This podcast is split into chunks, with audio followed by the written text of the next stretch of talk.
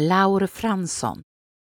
Fransson föddes 1890 i Borås och kom till Norrtälje som möbelsnickare 1910.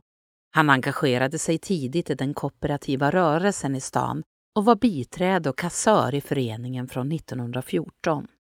Från samma år var han också ledamot av livsmedelsnämnden i Norrtälje. I slutet av 1910-talet anställdes han vid Handelsförbundet, blev bokhållare inom kooperationen och kontorschef för Roslagens El AB, en firma han senare blev ägare till.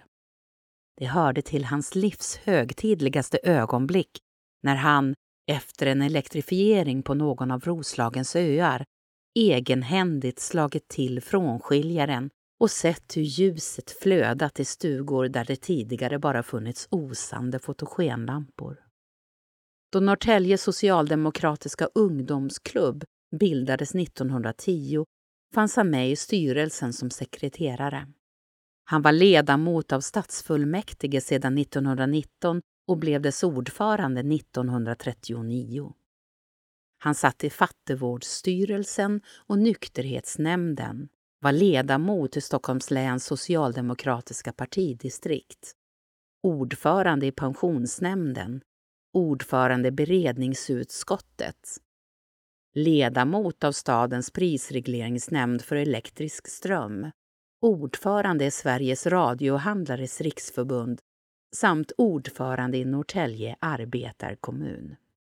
Från 1931 var han landstingsledamot och mellan 1939 och 1956 ledamot av riksdagens första kammare.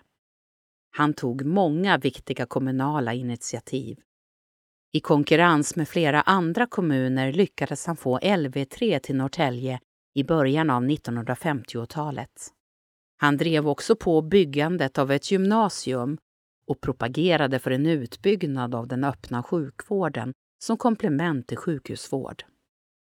Ett långt livs erfarenhet hade lärt honom att man i det långa loppet kommer längst med kompromisser.